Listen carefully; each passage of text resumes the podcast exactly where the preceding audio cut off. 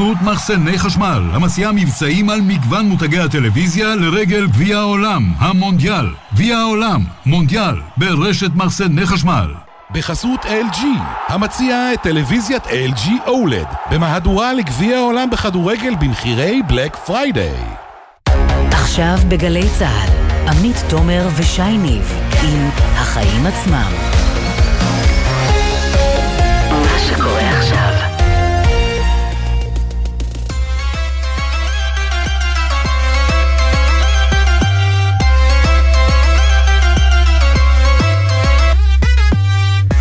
עכשיו שש וארבע דקות, אתם על החיים עצמם, התוכנית הכלכלית-חברתית של גלי צה"ל. אני עמית תומר, ואיתי כאן באולפן שי ניב, ששב אלינו מהניכר. מה שלומך שי? איך היה באיטליה? בסדר גמור, טוב, אה, תמיד טוב לחזור uh, לארץ. תמיד טוב באיטליה, אתה מתכוון. Uh, בדיוק, תמיד טוב, רוב הזמן טוב לחזור לארץ, בדיוק. Uh, תראי, לא כל כך uh, אופטימי uh, מהנתון שמתפרסם היום על ירידה בצמיחה לנפש, תכף נרחיב על זה, בין היתר בכותרת שלי, אבל כשמסתכלים גם על האינפלציה שעולה ומחירי הדיור שזינקו לשיא של למעלה מעשור, זו תזכורת שעיתונות כלכלית היא לא תמיד עסק נחמד. כן, אז בעניין הזה יהיה איתנו אלכס ז'בז'ינסקי, הכלכלן הראשי של בית ההשקעות מיטב. נדבר גם עם הממונה על השכר במשרד האוצר, קובי בר נתן, שיעזוב בחודש הבא את תפקידו, על הדוח החדש שהוציא היום, על ההסכם עם המורים, שהוא היה אחד מאדריכליו. ולא רק. כן, נעסוק גם בדרישה החדשה של יהדות התורה במשא ומתן הקואליציוני, שאותי אישית הדהימה, שימי לב, החזרת מעונות היום ממשרד החינוך למשרד הכלכלה. כלומר, אחרי שנים של ניסיונות, והצד הזה סוף סוף קרה, להחזיר עכשיו את הגלגל אחורה תראי, זה יפגע לדעתי בעיקר במעונות, כתוצאה מזה אולי גם בילדים וגם בנו ההורים. ועל רקע הקרב בין רשתות המזון ליצרניות וליבואניות על עליות המחירים שבינתיים נמנעות מי יודע לכמה זמן, אה, נפנה זרקור על פטור שקיבלו היבואניות והיצרניות הגדולות במשק להמשיך ולסדר את המדפים בסופר שלנו. זה דבר ששווה להן לא מעט כסף, והוא גם מנוגד לחוק המזון, אבל עכשיו בשקט בשקט רשות התחרות מנסה להאריך את הפטור הזה, נדבר עם מי שמנסה למנוע את זה. נדבר גם על מצבה הלא מזהיר של חברת הקורקינטים השיתופיים ברד, ונסיים עם מדריך משלן. האם יכול להיות שהוא בדרך לארץ? לא בטוח שכל כך מהר, אבל שווה לבדוק. כן, טוב, זה בסוף השעה. אז הכותרת שלי היא שבנק ישראל נותן היום חותמת לתחושה שרבים מהישראלים שותפים לה כבר חודשים. הבנקים שמיהרו להעלות את הריבית על ההלוואות והמשכנתאות בעקבות העלאת הריבית של בנק ישראל לא מתנהגים באותה צורה כשהם חייבים לנו. על פי הבדיקה של בנק ישראל, רק כ-60% מעליית הריבית גולגלה בממוצע אל הפקדונות, סליחה, והריבית שניתנת לחוסכים שמפקידים את כספם בבנק. זה לא תמיד היה ככה. בתקופות קודמות של עליות ריבית חדות, בשנות ה-80 וה-90, הבנקים, כך מראה הסקירה של בנק ישראל, גלגלו אותן על הלקוחות בשיעורים גבוהים יותר ותוך זמן קצר יותר. וצריך להזכיר, גם נתוני הריבית הלא מספקים שאנחנו רואים כרגע הם שיפור, אחרי שכבר התעוררה מחאה בעניין. בבנק ישראל מסבירים שבעבר הבנקים היו יותר תלויים בכסף שאנחנו, הציבור, הפקדנו אצלם כדי לתת אשראי לאנשים אחרים, בעוד שהיום שוק ההון מפותח יותר, אז הם פחות צריכים אותנו שנפקיד אצלם כסף, ולכן כנראה מחזרים אחרינו פחות, ולדבריהם זו לא מגמה שקורית רק אצלנו, זאת בעיה עולמית. ועם זאת, אני חושבת שזה לא אומר שלא צריך להתמודד איתה. בנק ישראל אמנם מציף את הנושא וטוב שכך, אבל בינתיים אנחנו לא רואים אותו מתערב כנגד הבנקים, אלא בעיקר עושה להם נו נו נו. בשבוע הבא יתחילו להתפרסם הדוחות הכספיים של הבנקים הגדולים. היום כבר ראינו סנונית ראשונה, הדוח של בנק יהב, שמדבר על זינוק חד של 30% ברבעון אחד בהכנסות מריבית, ותמונת המצב בבנקים הגדולים ככל הנראה תהיה דומה. אז אני רוצה להזכיר לבנקים ולציבור, מטרת העלאת הריבית היא להילחם באינפלציה על ידי זה שהיא תעודד אותנו, לחסוך ולא לבזבז את הכסף עכשיו, ואז הביקושים ירדו, ובהתאם המחירים, זה מה שאמור לקרות. אבל כל עוד אפיקי החיסכון שהבנקים מציעים לנו לא מספיק אטרקטיביים, באופן, אפשר לומר, די גורף, אין סיבה שנראה את המחירים מפסיקים לעלות. לגמרי. מה הכותרת שלך? טוב, תשמעי, אנחנו עוד נגיע בהמשך לדבר על נתוני הצמיחה שפרסמה היום הלשכה המרכזית אה, לסטטיסטיקה, או ליתר דיוק נתוני ההאטה בצמיחה. אבל אני רוצה להתעכב איתך על נקודה אחת בסיפור הזה, וזה התוצר לנפש. הנתונים מראים שלמרות שהמשק הישראלי כולו צמח ברבעון השלישי בקצב שנתי של 2.1 אחוז, התוצר לנפש רשם דווקא ירידה של 0.2. ולמה זה? כי הגידול בתוצר לא הדביק את הגידול באוכלוסייה. עכשיו, למה אני רוצה להתעכב איתך על זה? כי כשאנחנו מדברים בימים האלה על ממשלה שהולכת להכפיל את הקצבאות לאברכים, להגדיל את תקציבי הישיבות ולשים בצד כנראה את התוכניות להרחבת לימודי הליבה במוסדות החרדיים, זה בדיוק הזמן להתעכב על הנתון הזה, על הגידול באוכלוסייה, על הריבוי הטבעי. ואת יודעת, אנחנו מדינה של פרו ורבו, הכל טוב ויפה, גם לי שלוש בנות, ויש לי לא מעט שכנים חילוניים לגמרי עם ארבעה ילדים, זה הכל הרבה מעל הממוצע במדינות מערביות אחרות, אבל, את יודעת, אנחנו יכולים להתקיים, כל עוד אנחנו יכולים להתקיים ברמת משק uh, הבית, וגם ברמה הלאומית, אני אומר, טפו טפו, כן ירבו. אממה, הנתונים האלה באים להזכיר לנו שיש גם כוכבית. אם אנחנו גדלים יותר, אנחנו חייבים גם לצמוח יותר. ולצמוח זה אומר להכניס יותר כסף. זה ברור לי ולך כאנשים פרטיים במשק הבית, אבל זה חייב להיות ברור לנו גם ברמת המדינה. ואם אנחנו הולכים לפזר עכשיו כספים בלי לעודד השכלה והשתלבות בשוק העבודה, אנחנו כולנו בצרה צרורה. אוקיי, וממש בעניין הזה, תכף נתחיל עם הרעיון הראשון שלנו. זה הנאום כאילו מפחיד מדי? אני עוד מתאוששת, כן. לא, אבל תשמע, אין מה להגיד, אנחנו uh, מגיעים, אפשר uh, כבר לדבר על זה, אנחנו באמת ככה בין הפטיש לסדן, מצד אחד הנתון שאתה מביא על האטה בקצב הצמיחה בישראל, ומהצד השני הנתונים שמתפרסמים אתמול על עוד זינוק באינפלציה שלא עוצרת, ובמחירי הדיור, שרושמים שיא התייקרות שנתי של מעל לעשור, זה אומר במילים אחרות שאנחנו כבר מתחילים מתחילים להרגיש את המחיר של העלאת הריבית בנתונים, נתוני הצמיחה, בלי שבינתיים אנחנו רואים אותה נושאת פירות, מה שמעלה את השאלה, מה יעשה נגיד בנק ישראל בשבוע הבא? אז צפויה עוד החלטת ריבית, וממש את השאלה הזאת אנחנו רוצים להפנות למרואיין הראשון שלנו היום, אלכס ז'בז'ינסקי, הכלכלן הראשי של בית ההשקעות מיטב, שלום. שלום. אנחנו רואים את נתוני הצמיחה שמתפרסמים היום, על פניו עלייה של 2% ועשירית, אבל התמ"ג, התוצר אה, לנפש, דווקא יורד. אתה יכול להסביר למאזינים שלנו מה זה אומר? בדרך כלל הלמ"ס, לשכה המרכזית לסטטיסטיקה, מחשבת גם תוצר ואיך זה מתחלק פר נפש. בגלל שגידול באוכלוסייה יותר גבוה מהצמיחה, אז לנפש יוצא שהתוצר ירד. למרות ש... לא הייתי נאחז בנתון של רבעון אחד ומסיק מפה מסקנות, כי ברבעון הקודם תוצר לנפש עלה בשיעור גבוה. אז אנחנו כן uh, בכל זאת צריכים אבל לדאוג מהנתונים שמתפרסמים היום. אני יודע שגם אצלכם בבית השקעות מיטב uh, ערכתם איזשהו ניתוח על uh, בסיס uh, uh, בעצם סקר uh, רחב יותר של הלמ"ס, מה שנקרא מדד אמון הצרכנים. מה אנחנו למדים ממנו? בסקר אה, אמון הצרכנים של הלמ"ס יש הרבה שאלות, אבל אחת השאלות שואלים את משקי הבית מה המצב הכלכלי שלכם החודש? האם סיימתם חודש עם עודף הכנסות על ההוצאות, זאת אומרת הצלחתם לחסוך, או שנכנסתם למינוס, ההוצאות שלכם היו גבוהות מההכנסות שלכם. לפי הנתונים האחרונים ניתן ללמוד שאחוז משקי הבית שמה שנקרא לא סוגרים את החודש, שההוצאות שלהם, שלהם יותר גבוהות מההכנסות, עלה בחודשים האחרונים, בחצי שנה האחרונה בערך, מה שאומר שיש יותר משקי בית בישראל שמתקשים אה, לסגור את החודש, מתקשים אה, לנהל את ההוצאות וההכנסות שלהם. כן, זינוק של 8% זה זינוק משמעותי. האם לאור הסקירה הזאת שלכם ולאור נתוני הצמיחה שבכל זאת עדיין אה, אה, עולים, אתה חושב שבנק ישראל אה, מגזים עם העלאות הריבית שלו? במדיניות קשיחה מדי? לא, אני לא חושב שבנק ישראל מגזים. קודם כל, הנתונים עדיין יחסית די טובים. שנית, זה קורה בכל העולם. בכל העולם אנחנו רואים ירידה בצמיחה, ובדרך כלל ברוב המדינות הירידה הזאת היא יותר חדה מאשר בישראל.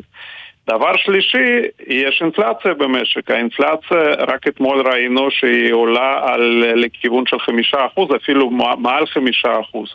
אסור לבנק ישראל לתת לאינפלציה להתפרץ מעבר לרמות אלה, הוא חייב לדאוג להחזיר אותה לכיוון היעד, כי אחרת תהיה לנו גם אינפלציה גבוהה וגם צמיחה נמוכה ואבטלה גבוהה. מוקדם מדי לדבר על uh, מיתון? אנחנו, מיתון של ממש, אנחנו עוד לא שם? לא, אנחנו בוודאי לא במיתון, אנחנו בצמיחה, אולי קצב קצת ירד, אבל אם נסתכל לשנה הבאה, אז uh, סביר מאוד שאנחנו נראה האטה בצמיחה. אני לא חושב שישראל הולכת להיכנס למיתון, אה, מיתון זה, זה יותר אפשרי באירופה אולי או במדינות אחרות, אבל בהחלט, כמו בשאר העולם, המשק סופג השפעה של עלייה באינפלציה, של עלייה בריבית. האטה בצמיחה במדינות האחרות, ולכן נראה קצבי צמיחה נמוכים בשנה הבאה. אז איך אפשר להתמודד עם הנתונים האלה שאתם מביאים אה, בסקירה שלכם, שככה למרות העלאות הריבית שאמורים לעודד אותנו לחסוך, יש פחות ופחות משקי בית שמסוגלים אה, לעשות את זה, ודווקא יש יותר כאלה שלא סוגרים את החודש? אני חושב שזה מאוד הגיוני, כי בסך הכל מה שאנחנו רואים בשנה האחרונה זה קודם כל עליית מחירים. אז ההוצאה של משקי הבית על אותו סל של, צרכ... של מוצרים ושירותים הולכת ועולה. בנוסף, יש עליית ריבית. עליית ריבית מייקרת עלות ההלוואות של משקי הבית בשיעור משמעותי מאוד. גם הלוואות משכנתה וגם הלוואות אחרות. כך שמה שאנחנו רואים בסקר זה משהו שהיה צפוי לקרות, וכנראה שבשנה הבאה המצב לא הולך להיות יותר קל, כי הריבית תמשיך לעלות. ואינפלציה בינתיים לא נרגעת, ובנוסף לזה, כמו שאמרתי, צפויה האטה בצמיחה, מה שאומר שהשכר יעלה פחות, שאולי יהיו יותר פיטורים, כך שבינתיים התחזית קדימה היא תחזית לא, לא ורודה, אבל אה, לא דרמה. אתה חושב שבנק ישראל יעלה את הריבית גם בשבוע הבא? כן, סביר מאוד שהוא יעלה ריבית בשבוע הבא בשיעור של חצי אחוז, אולי אפילו שלושת רבעי אחוז. אני חושב שזאת גם לא תהיה עליית ריבית האחרונה. נראה אותו מעלה ריבית אולי עוד פעם אחת. עד שהוא ישתכנע שהאינפלציה באמת נעצרה. מתי זה יקרה? ו... כי בינתיים אנחנו רואים אותה רק מטפסת למעל חמישה אחוזים. מחירי הדיור, שזה אולי לא המטרה, אבל איזשהו אמצעי שאמור לקרות בדרך, כשמעלים ריבית, אה, בלימה של ההתייקרויות שלהם, כבר מגיעים להתייקרות שנתית של 20 אחוזים. מתי אתה מעריך שנראה את המגמה הזאת מתהפכת, אם בכלל? אני חושב שבדיור אנחנו נראה את זה מהר מאוד, כי רואים את כל הסימנים שהשוק הזה מתקרר במהירות. יש הרבה פחות עסקאות, הרבה פחות רכישות מתי, דירות, גם חדשות. מתי? תוך כמה זמן אתה חושב שזה יקבל ביטוי גם במחירים ולא רק בירידה בביקושים? אני חושב שאולי חודש הבא, עוד חודשיים, זה אמור לקרות אוטוטו. אגב, שוב פעם, גם פה אנחנו לא ייחודיים, אם נסתכל על מדינות אחרות. בכל המדינות שהמחירי הדירות עלו בעוד בחדות, יש כבר או ירידות או עצירה בעליות, כך שישראל היא רק עוד, עוד אחת, עוד מדינה נוספת שזה הולך לקרות בה. זה לגבי הדיור ולגבי האינפלציה? לגבי אינפלציה, אני חושב שאנחנו נתחיל לראות ירידה בקצב האינפלציה החל מ-2023. נראה עוד עלייה בקצב או קצב גבוה מעל חמישה אחוז, אבל בעוד שנה אנחנו כנראה אה, נראה שהאינפלציה ירדה מתחת לשלושה אחוז, לפי התחזית שלנו באזור שתיים וחצי שלושה אחוז. כן. אנחנו יודעים שהישראלים ככה די אה, חגגו נקרא לזה בחודשים שלאחר הסגרים בתקופת הקורונה. אנחנו אה, צפויים לראות איזשהו תיקון, ככה פחות הוצאות, יותר מרכיב של חיסכון במשק הבית? כן, בהחלט, העליית ריבית, ההאטה במשק זה משהו שמחייב כל משק בית לבחון מה ההוצאות שלו, מה ההכנסות שלו, איפה יש מותרות, איפה אפשר לקצץ, כך שללא ספק אנחנו נראה את התהליך הזה קורה יותר ויותר בחודשים הקרובים. כן, ועדיין הנתונים שלכם מראים שבינתיים יותר ויותר משקי בית דווקא הולכים לכיוון ההפוך של צבירת חוב. אני חושבת שגם זה צריך אה, להדאיג אותנו. אלכס שבז'ינסקי, הכלכלן הראשי של אה, מיטב, תודה רבה על הדברים האלה. תודה לכם.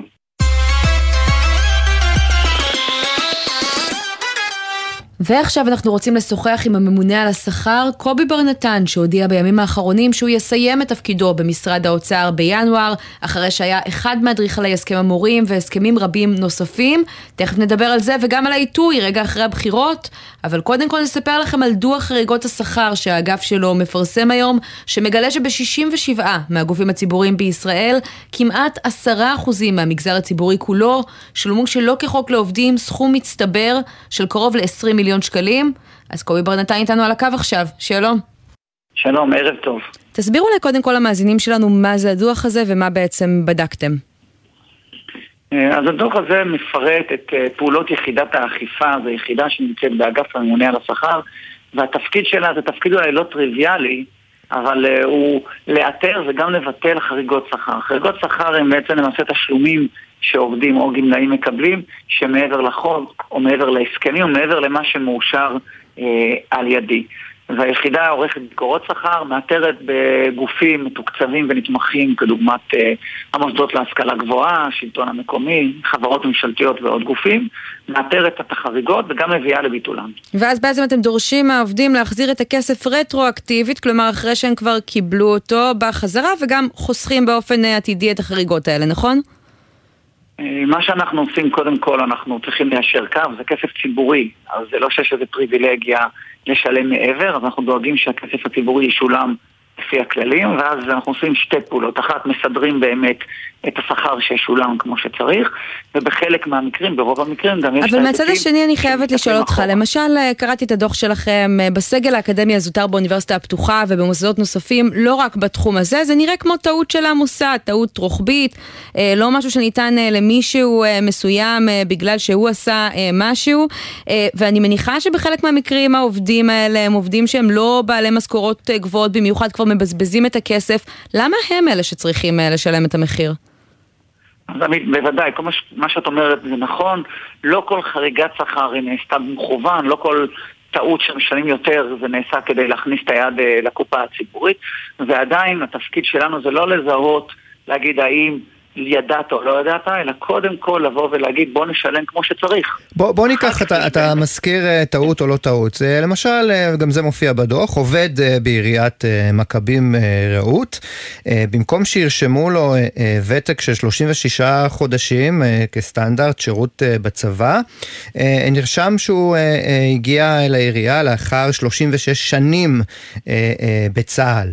טעות? אולי התחכמות? שי, אז, אה, אז מאוד מאוד קשה לדעת ו- ו- ולחקור אחורה מה המקור של הדבר ואם זה במעשה מכוון או לא. אה, כן צריך להגיד שאנחנו מנסים גם להבין יש לנו כלים לעשות את זה, האם זה נעשה במכוון או לא, ואז אנחנו גם מטפלים במי שאישר. רק נסביר, 36 אה, אה, שנים אה, ותק בצבא הקנו לאותו עובד, במקרה הזה 2,000 שקלים בחודש תוספת שכר, שכמובן גם השפיע על הפנסיה והגמל וכולי. הכל, צריך, צריך להבין באמת את הנקודה שאמרת, נקודה חשובה.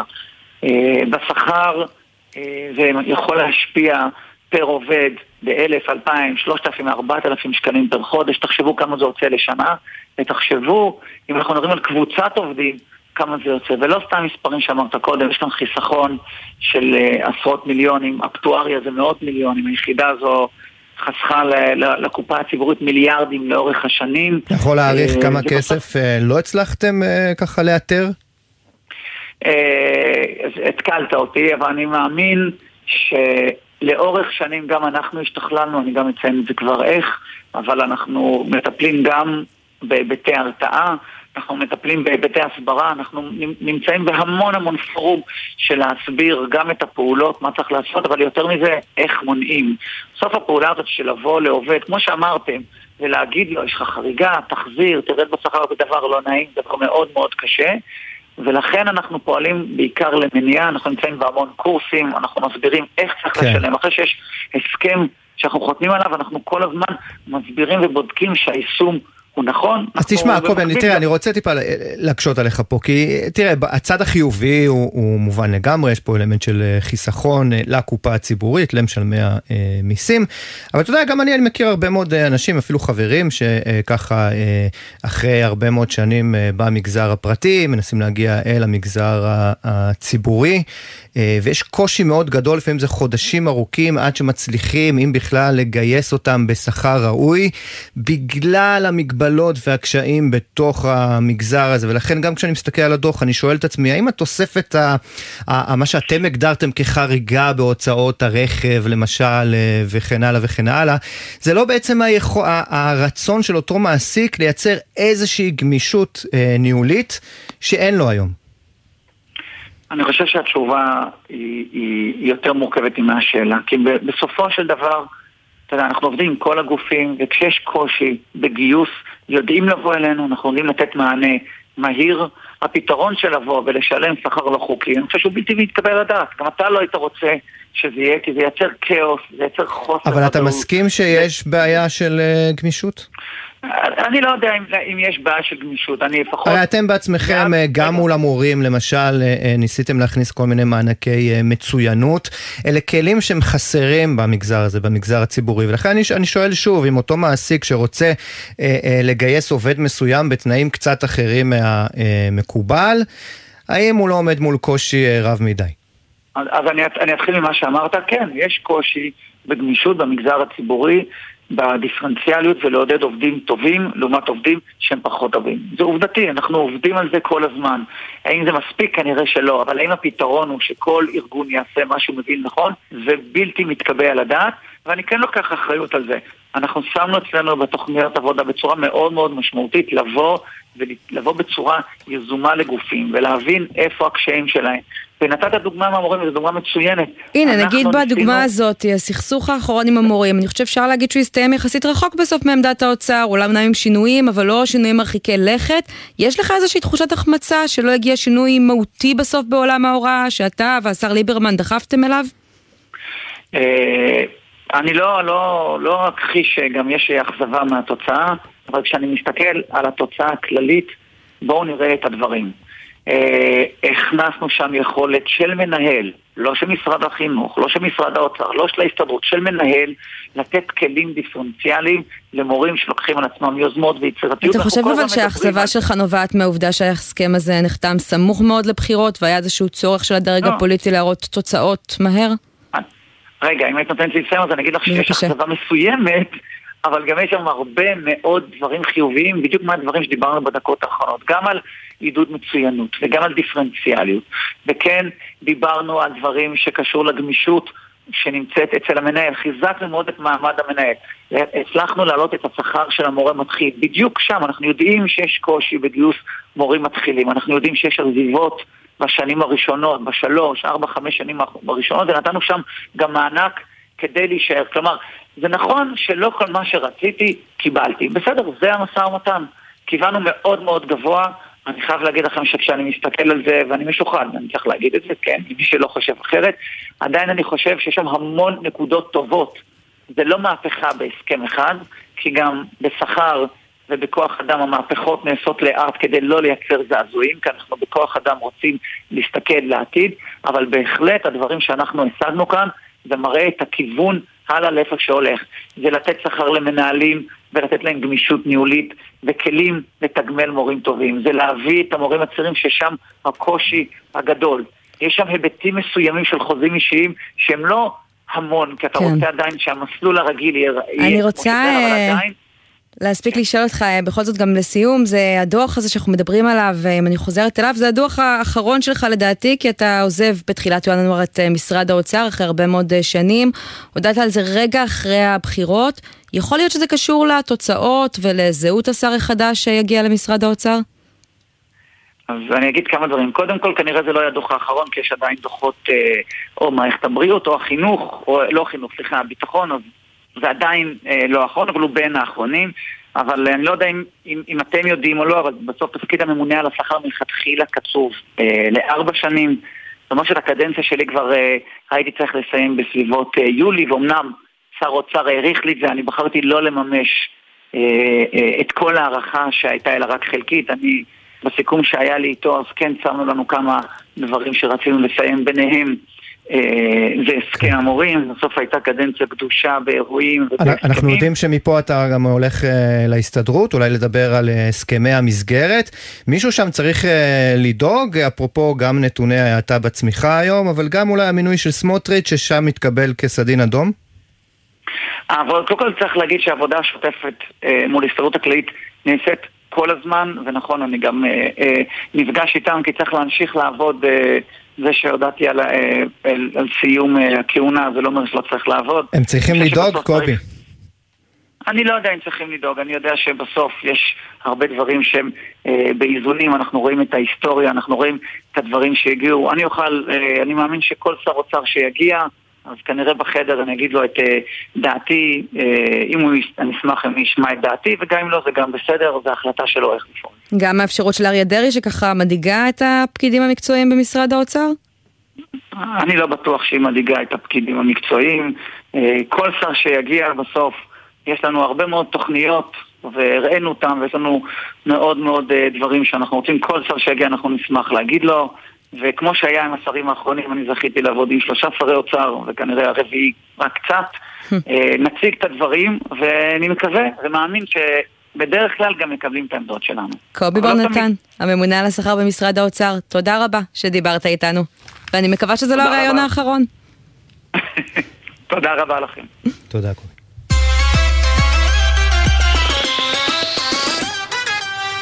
טוב, תשמעי, אה, דיברנו הרבה על הדרישה של המפלגות החרדיות אה, לבטל את המס המיוחד על המשקאות הממותקים והמס על הכלים החד פעמיים, אבל הנה יש דרישה אה, חדשה של יהדות התורה, שימי לב, הם דורשים לבטל את ההעברה של מעונות היום ממשרד הכלכלה למשרד החינוך, משהו שממש רק התחיל בחודשים האחרונים, אחרי ששנים, שנים על גבי שנים דיברו על הדבר הזה ועל הצורך שלו.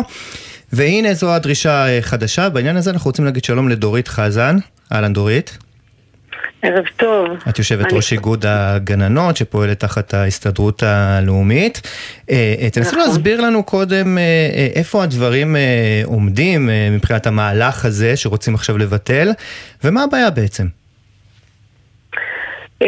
קודם כל אני ממש מקווה שלא יחזרו אחורה, כי חשוב מאוד שיהיה גוף אחד שיקבל על עצמו את כל הנושא של חינוך הגיל הרך מגיל לידה ועד שש.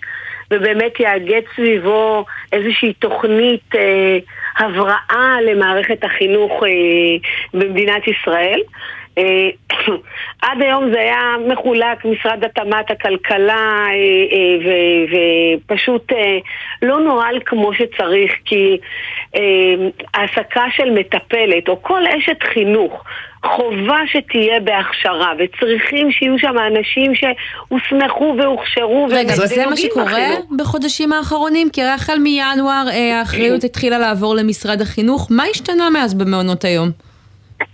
קודם כל, אה, יש שינויים קלים באמת בנושא ההדרכות, השינויים הם מינוריים, עדיין יש לנו אה, כברת דרך ארוכה להגיע, צריכים לנתב את התקציבים, אה, מדברים על זה שזה תקציבים, זה הון עתק, אבל לדעתי צריכים לנתב את התקציבים בצורה מאוד שקולה.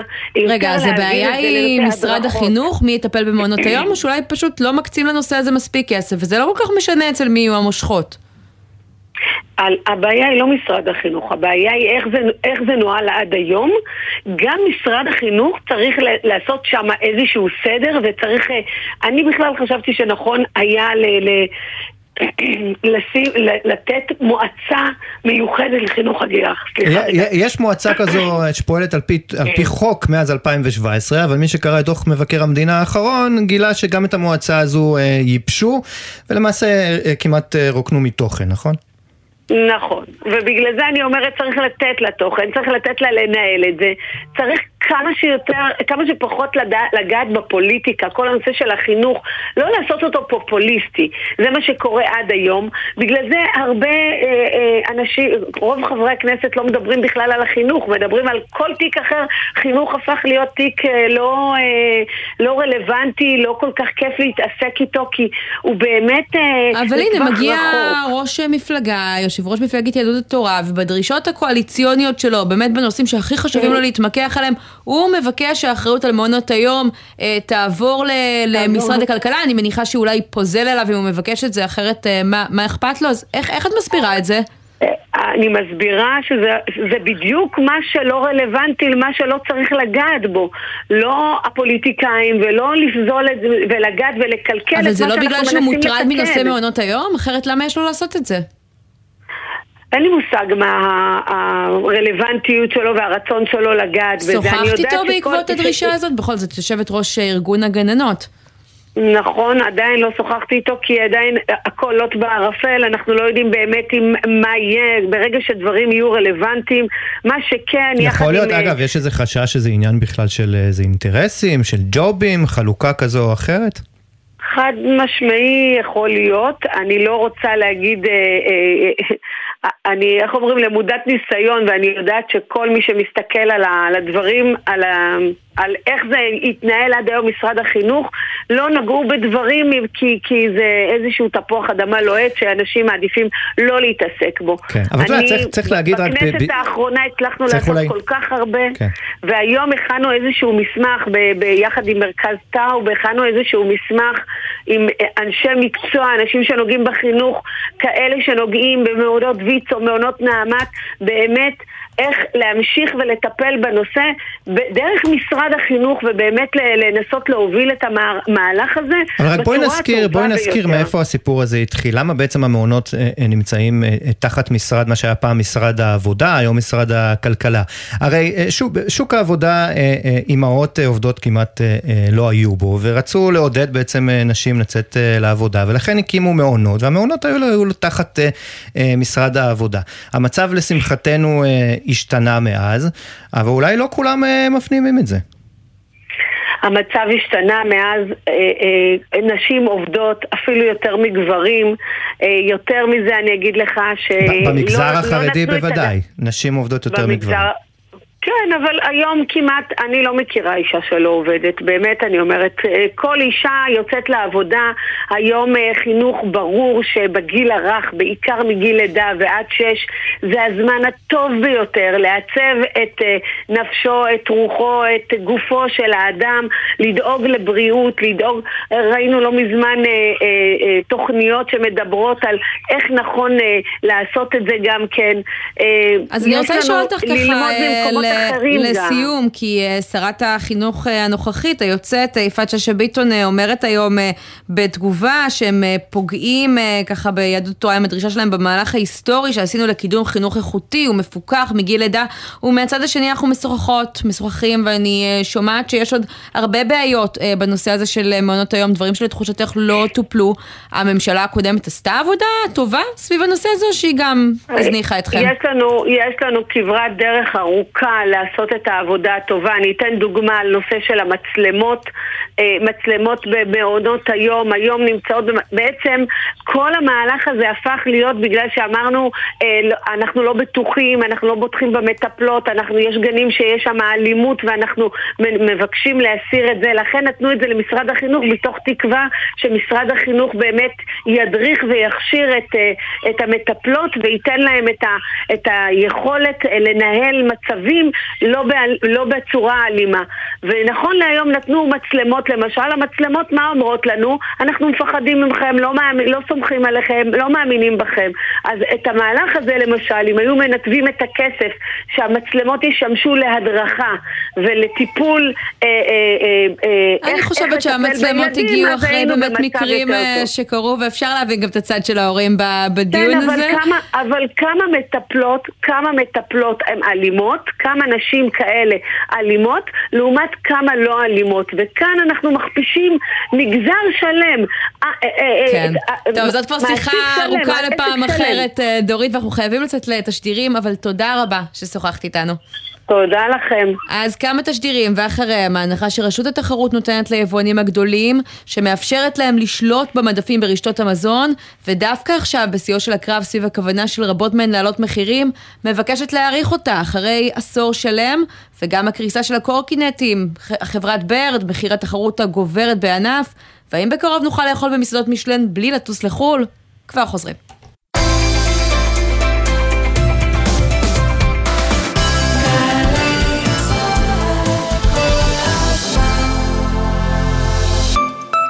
יזמים ויזמיות, יש לכם רעיון גדול למיזם טכנולוגי?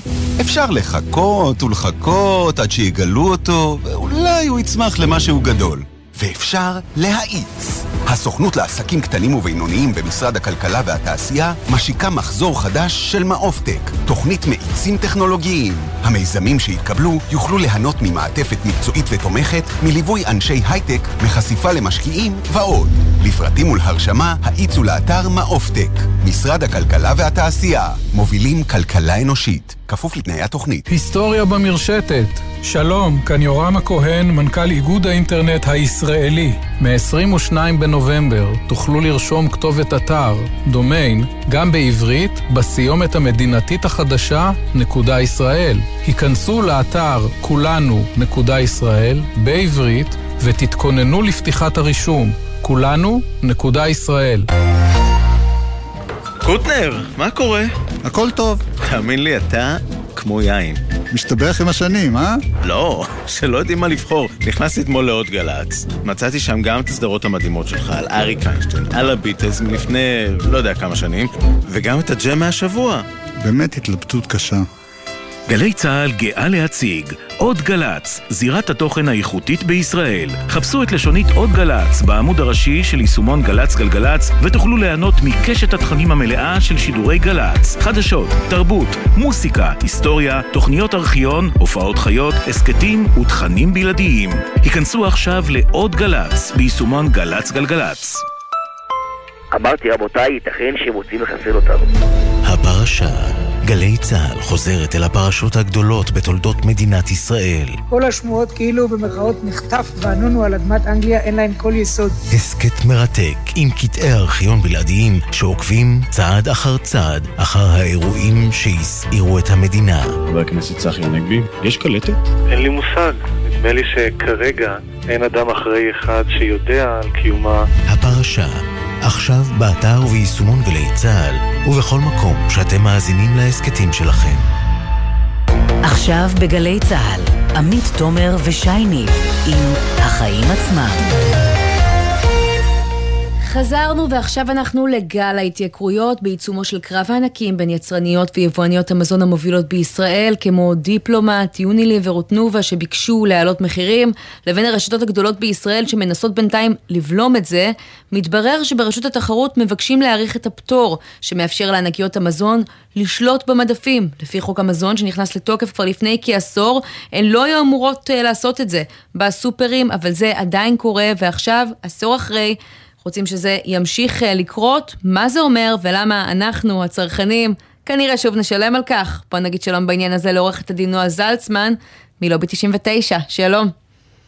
שלום עמית. לוביסטית ציבורית, צריך לומר. כן, אז אה, תסבירי לנו, אה, נועה, מה בעצם היה אמור לקרות לפי חוק המזון, ומה קורה בפועל. אז ככה, חוק המזון זה בעצם אה, חוק שעבר בכנסת ב-2014 והמטרה המוצהרת שלו ממש בנוסח החוק זה להגביר את התחרות אה, בענף ולהפחית את המחירים שכולנו משלמים בסופר. אנחנו יודעים שבמבחן המציאות זה פחות אה, קרה. ובעצם החוק אוסר על כל מיני פרקטיקות שבעבר היו נהוגות, כשאחת הפרקטיקות האלה זה בעצם סידור המדפים על ידי ספקי המזון הגדולים. כלומר, כלומר, אה, כלומר, תנובה, שטראוס, בעצם סדרנים שלהם מגיעים לצורך העניין לסופר של שופרסל, והם מסדרים בעצמם את המדף. נכון, תנובה תסדר את המדף של החלב למשל, אה, אוסם מסדר אה, את המדף של הפסטה, וכמובן שזה נותן לה תמריץ לקחת כמה שיותר מהשטח ואת המיקומים היותר אטרקטיביים לעצמה. ולדחוק את הספקים הקטנים שמתחרים בה למיקומים פחות טובים. אה, ובעצם מה שחוק המזון עשה זה אה, הטיל איסור, איסור מוחלט על ספקים גדולים, כמו שהחוק מגדיר אותם, שזה באמת כל החברות ש, שדיברתם עליהן. אה, לסדר את המדף אצל רשתות שיווק גדולות, שופרסל, רמי לוי וכולי. כן, רק שהחוק הזה לא, לא, לא ממש נכנס לתוקף. למה? מה היה הנימוק לפטור בזמנו? אז אז בזמנו אה, קצת קשה לדעת כי זה דברים שרשות התחרות מפרסמת, אז זה לא ככה שימוע ציבורי אה, בכנסת, אבל באמת האיסור שבחוק המזון, האיסור הגורף הזה אף פעם לא יושם. ממש ביום שבו הוא היה אמור להיכנס לתוקף נכנס פטור של רשות התחרות שאפשר לספקים הגדולים להמשיך ולסדר. אם הם עושים את זה בהתאם לתוכנית שקבע בעצם הסופר, וזה בתנאי אה, שרשת השיווק מפקחת על זה. רגע, רגע, אבל אם הסופר קובע את התוכנית והם רק אלה שמסדרים את המדפים, כלומר לוקחים את המוצר מהארגז ושמים אותו על המדף, למה זה בעייתי? אז א', במציאות שבה מערכת, מערכת היחסים בין הספקים הגדולים לבין הסופרים היא כל כך הדוקה, ויש חברות ענק כמו אה, תנובה שהזכרתם, שלא שולטת למשל רק ב... בחלב, אלא גם אה, אה, מאמה ואדום אדום, זאת אומרת, ממש מוצגים שיש ל, ל, לכולנו בבית, אה, מעדנות, ממש כל חברת מזון גדולה, לא, זה לא רק מוצר הדגל שכולנו מכירים, אלא שולטת בעוד הרבה דברים ש, שאנחנו לא באמת יודעים מה זה. אה, ולכן במציאות הזאת, המערכת יחסים הזאת, לדעתנו- לא מאפשרת באמת את הניתוק הזה. אבל את יודעת, הרי אנחנו אה, יודעים שהבעיה היא עמוקה יותר, זה לא רק שהסדרנים אה, מציבים את המוצרים של הספקים הקטנים בתחתית המדף, ניחא. אנחנו יודעים שברשתות גדולות, לפחות רשתות מסוימות, אין כמעט זכר לספקים קטנים, לפחות בחלק מהתחומים. נכון, לגמרי, וזה המ- הנוסח המקורי של הפטור משנת 2015, הוא דרש, הוא, הוא אפשר לספקים הגדולים להמשיך לס- ולסדר אה, בכמה תנאים, שאחד מהם היה שעכשיו שופרסל צריכה להוכיח שיותר מחצי מהמכירות שלה זו של ספקים קטנים. אה, ולכן הנוסח הקודם של הפטור באמת נועד באיזשהו מקום להגן על ספקים קטנים אה, ולהמשיך ולתת להם מקום.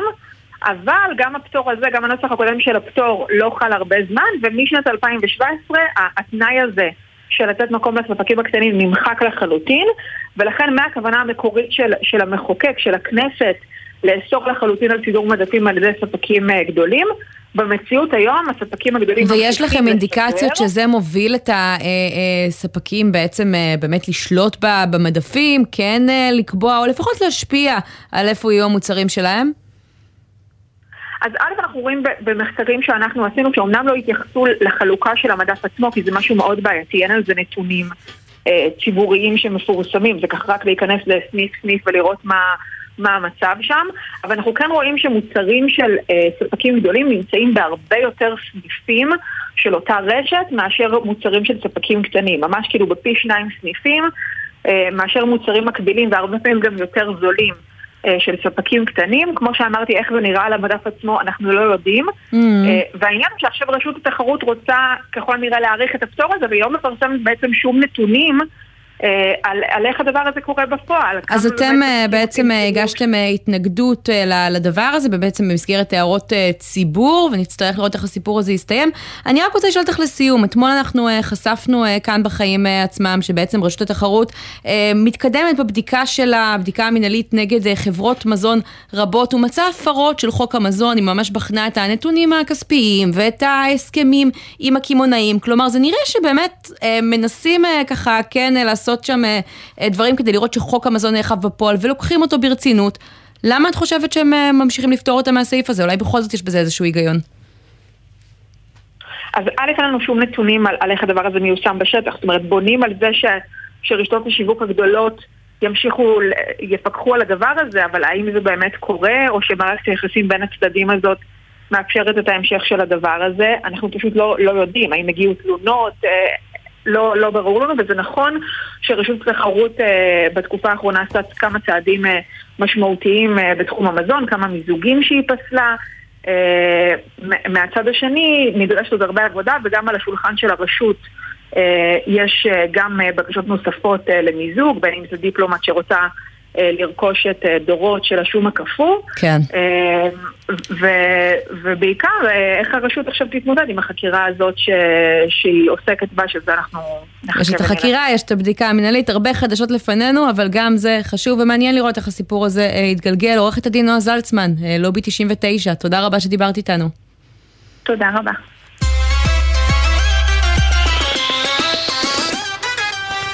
טוב, אני לא יודע אם את יודעת, יש היום שביתה של הווטרינרים בשירות המזון הארצי של משרד הבריאות. זה נשמע גדול, אבל מתברר שהם די מעט, וזאת חלק מהבעיה. 13, נכון? כן, ויש אחד שעזב, לדעתי הם כבר, הם כבר 12, אבל uh, הנה, אנחנו נתעדכן בעניין הזה, ולא רק בעניין הזה, עם uh, דוקטור מיכאל אה, אטינגר. שלום. שלום, שלום. יושב ראש הסתדרות הרופאים הווטרינריים בישראל. אז כמה אתם? קודם כל שלום אה, עמית, שלום שי, אני שמח להיות כאן וקצת. אה, לשים, לשים צבע על, אה, על וטרינריה הציבורית בישראל. בהחלט. אנחנו, אנחנו מדברים על שירות מזון ארצי והמספר הווטרינרים שהיו במחלקה הזאת, ביחידה הזאת, עד לפני שנה היו 18. אה, היום אנחנו מדברים כבר פחות מ-11. אה, זה כל יום מתעדכן, כמו שאתם מבינים, אנשים לא מחזיקים מעמד בלי, בלי תשלום הוגן, בלי אה, שכר הוגן, בלי תנאי עבודה הוגנים. וכמובן, כאשר אה, המעסיק פוגע במעמדם, פוגע בשכרם, פוגע בקשרים הקשר שלהם ה- הרציף בין בריאות הציבור לבין אה, פיקוח, אז זה, זה מה שקורה. אתם דורשים בעצם אה, אה, אה, שיפור תנאים, בין היתר תוספות שכר, גם אה, רכבים צמודים, כי היום הווטרינרים שאמורים להגיע לכל מיני נקודות כדי לבדוק את איכות המזון, מגיעים אה, אה, בעצם באוטובוסים, בתחבורה ציבורית. תראה, קודם כל, אה, צריך קצת להסביר מה זה היחידה הווטרינרית. יחידה וטרינרית אה, מבצעת פיקוח על פי אה, הגנת בריאות הציבור, אה, חוק המזון, אה, כמו שאנחנו מכירים אותו, 2015, ובעצם אה, זה אה, יחידה סטטוטורית, רגולטור, שמגיע אה, ליחידות, ל-5,000 יחידות אה, בקרה בארץ, אה, נוסע למחלבות, אה, מפעלי מזון לייצוא, אה, מעברי גבול, ומבצע את עבודתו. עכשיו, כאשר הוא הולך לעשות את זה מטעם המדינה, בעצם מטעם הציבור, אה, כדי לפקח על אה, אותם אה, מעברי גבול שהסחורה שנכנסת היא באמת תואמת את איכות המזון שנכנס או מגיע לשולחנות של אותם אנשי ציבור. כן. אנחנו בעצם מגלים שהם צריכים לנסוע לבקרה הזאת בתחבורה ציבורית. אבל כרגע אתם בעצם עוצרים את הבקרה בכלל במסגרת השביתה, מונעים שחרור של מזון מהחי למכירה, וזה עשוי לגרום למחסור בבשר, עוף ודגים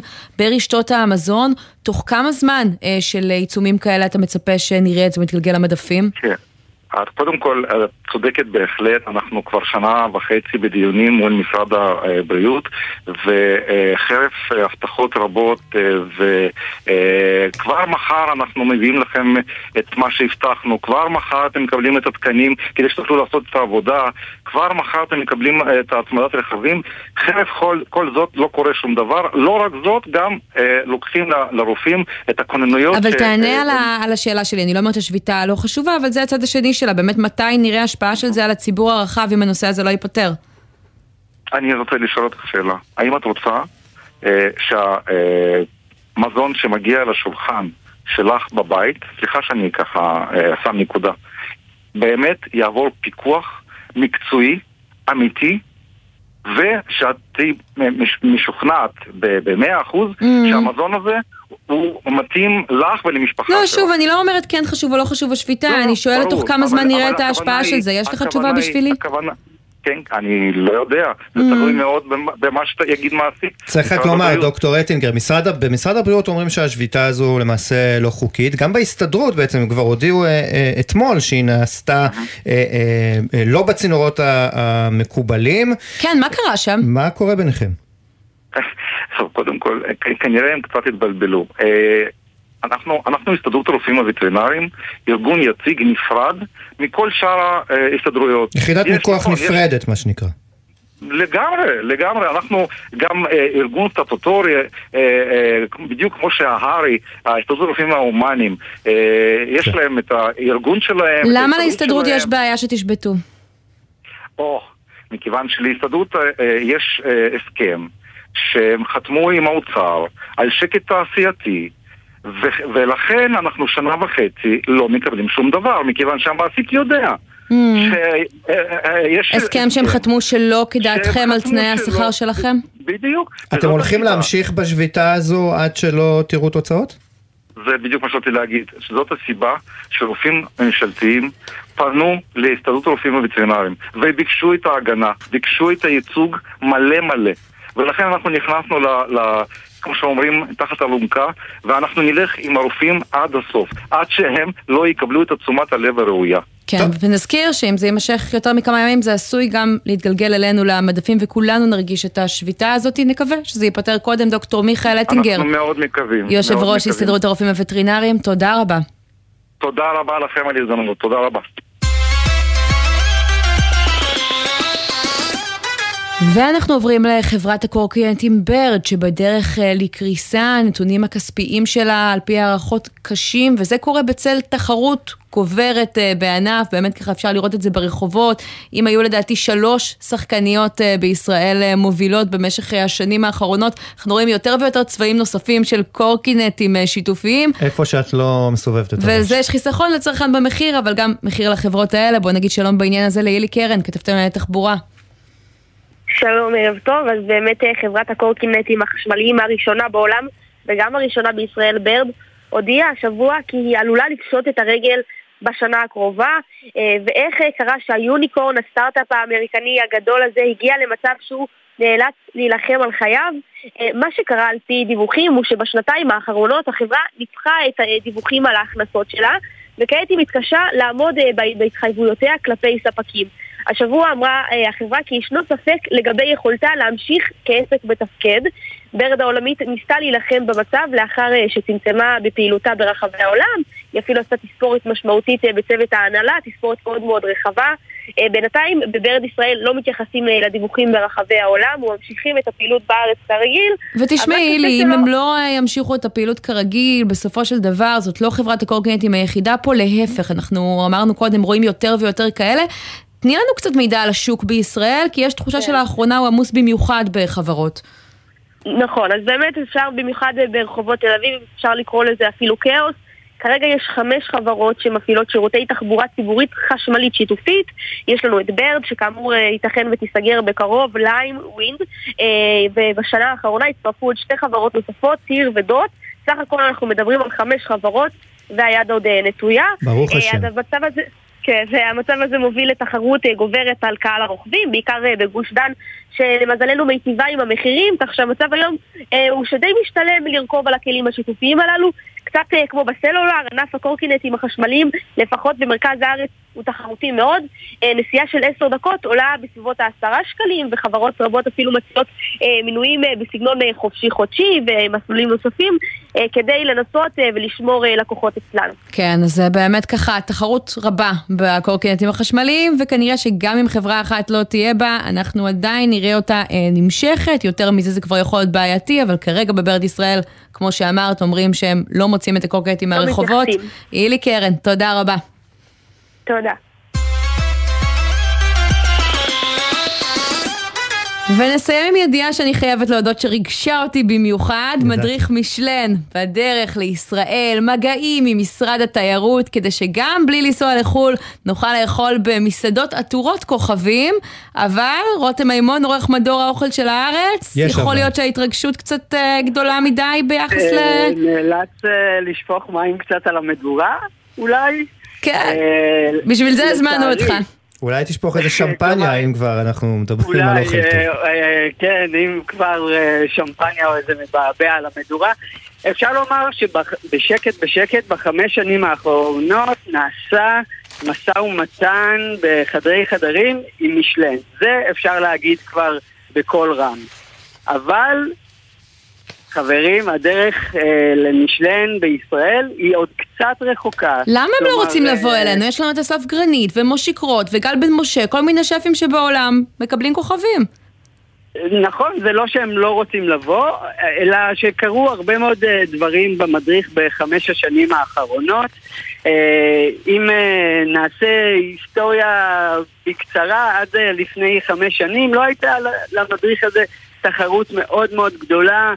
הן אה, מצד אה, מדריכים אחרים שהיו בסדר כזה, לא... אה, היום יש אחד לא תחרות? נו, הנה. הפתעת אותי.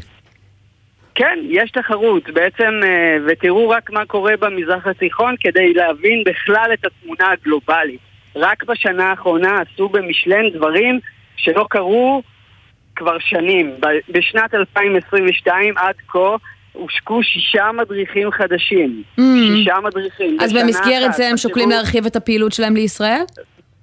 בדיוק. אז עכשיו הם כל הזמן מחפשים עוד ועוד יעדים, כשהתחרות מצד אה, תחרות אחרת, דירוג אחר כמו 50 בסט העולמי, רגע, נשאר לנו דקה למערכת. תום הזמן לצערי, אז ספר לנו? ברגע? לפני מי זוכה, למה המדינה צריכה לשלם על זה כסף ומה הסיכוי שהיא אכן תעשה את זה?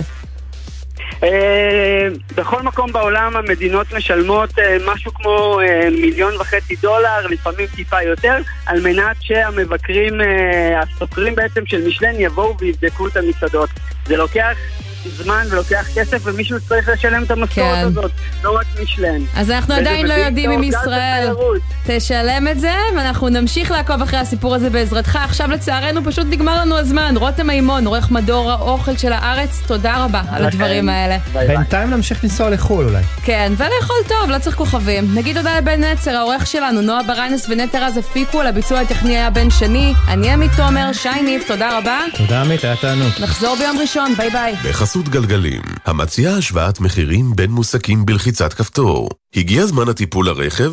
חפשו בגוגל גלגלים. בחסות מחסני חשמל, המציעה מבצעי בלק פריידיי בכל חודש נובמבר. מבצעי נובמבר ברשת מחסני חשמל. בחסות ביטוח ישיר המציע למצטרפים עד שלושה חודשים מתנה בביטוח המקיף לרכב. ביטוח ישיר, איי-די-איי חברה לביטוח, כפוף לתקנון.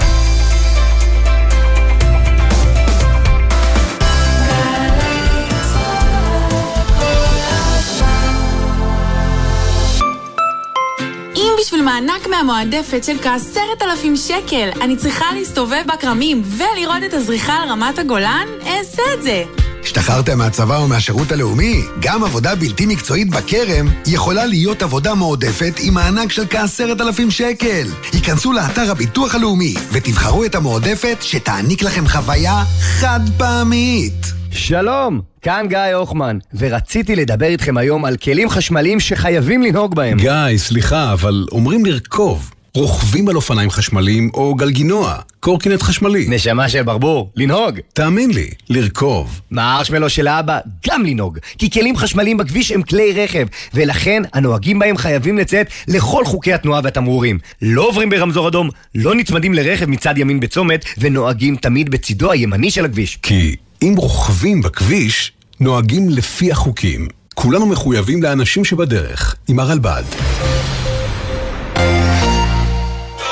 ספי ויניר פותחים את הבוקר. אבי מעוז מעלה דרישה להקים בתוך משרד ראש ממשלה יחידת סמך שתפעל לחזק את הזהות היהודית. תראה, אבל זהות יהודית זה משהו שמדברים עליו בכל ממשלה. סליחה, זה יחידה לטוהר הגזע. ספי עובדיה ויניר קוזין, ראשון עד שלישי בשמונה בבוקר, רק בגלי צה"ל. מיד אחרי החדשות, עידן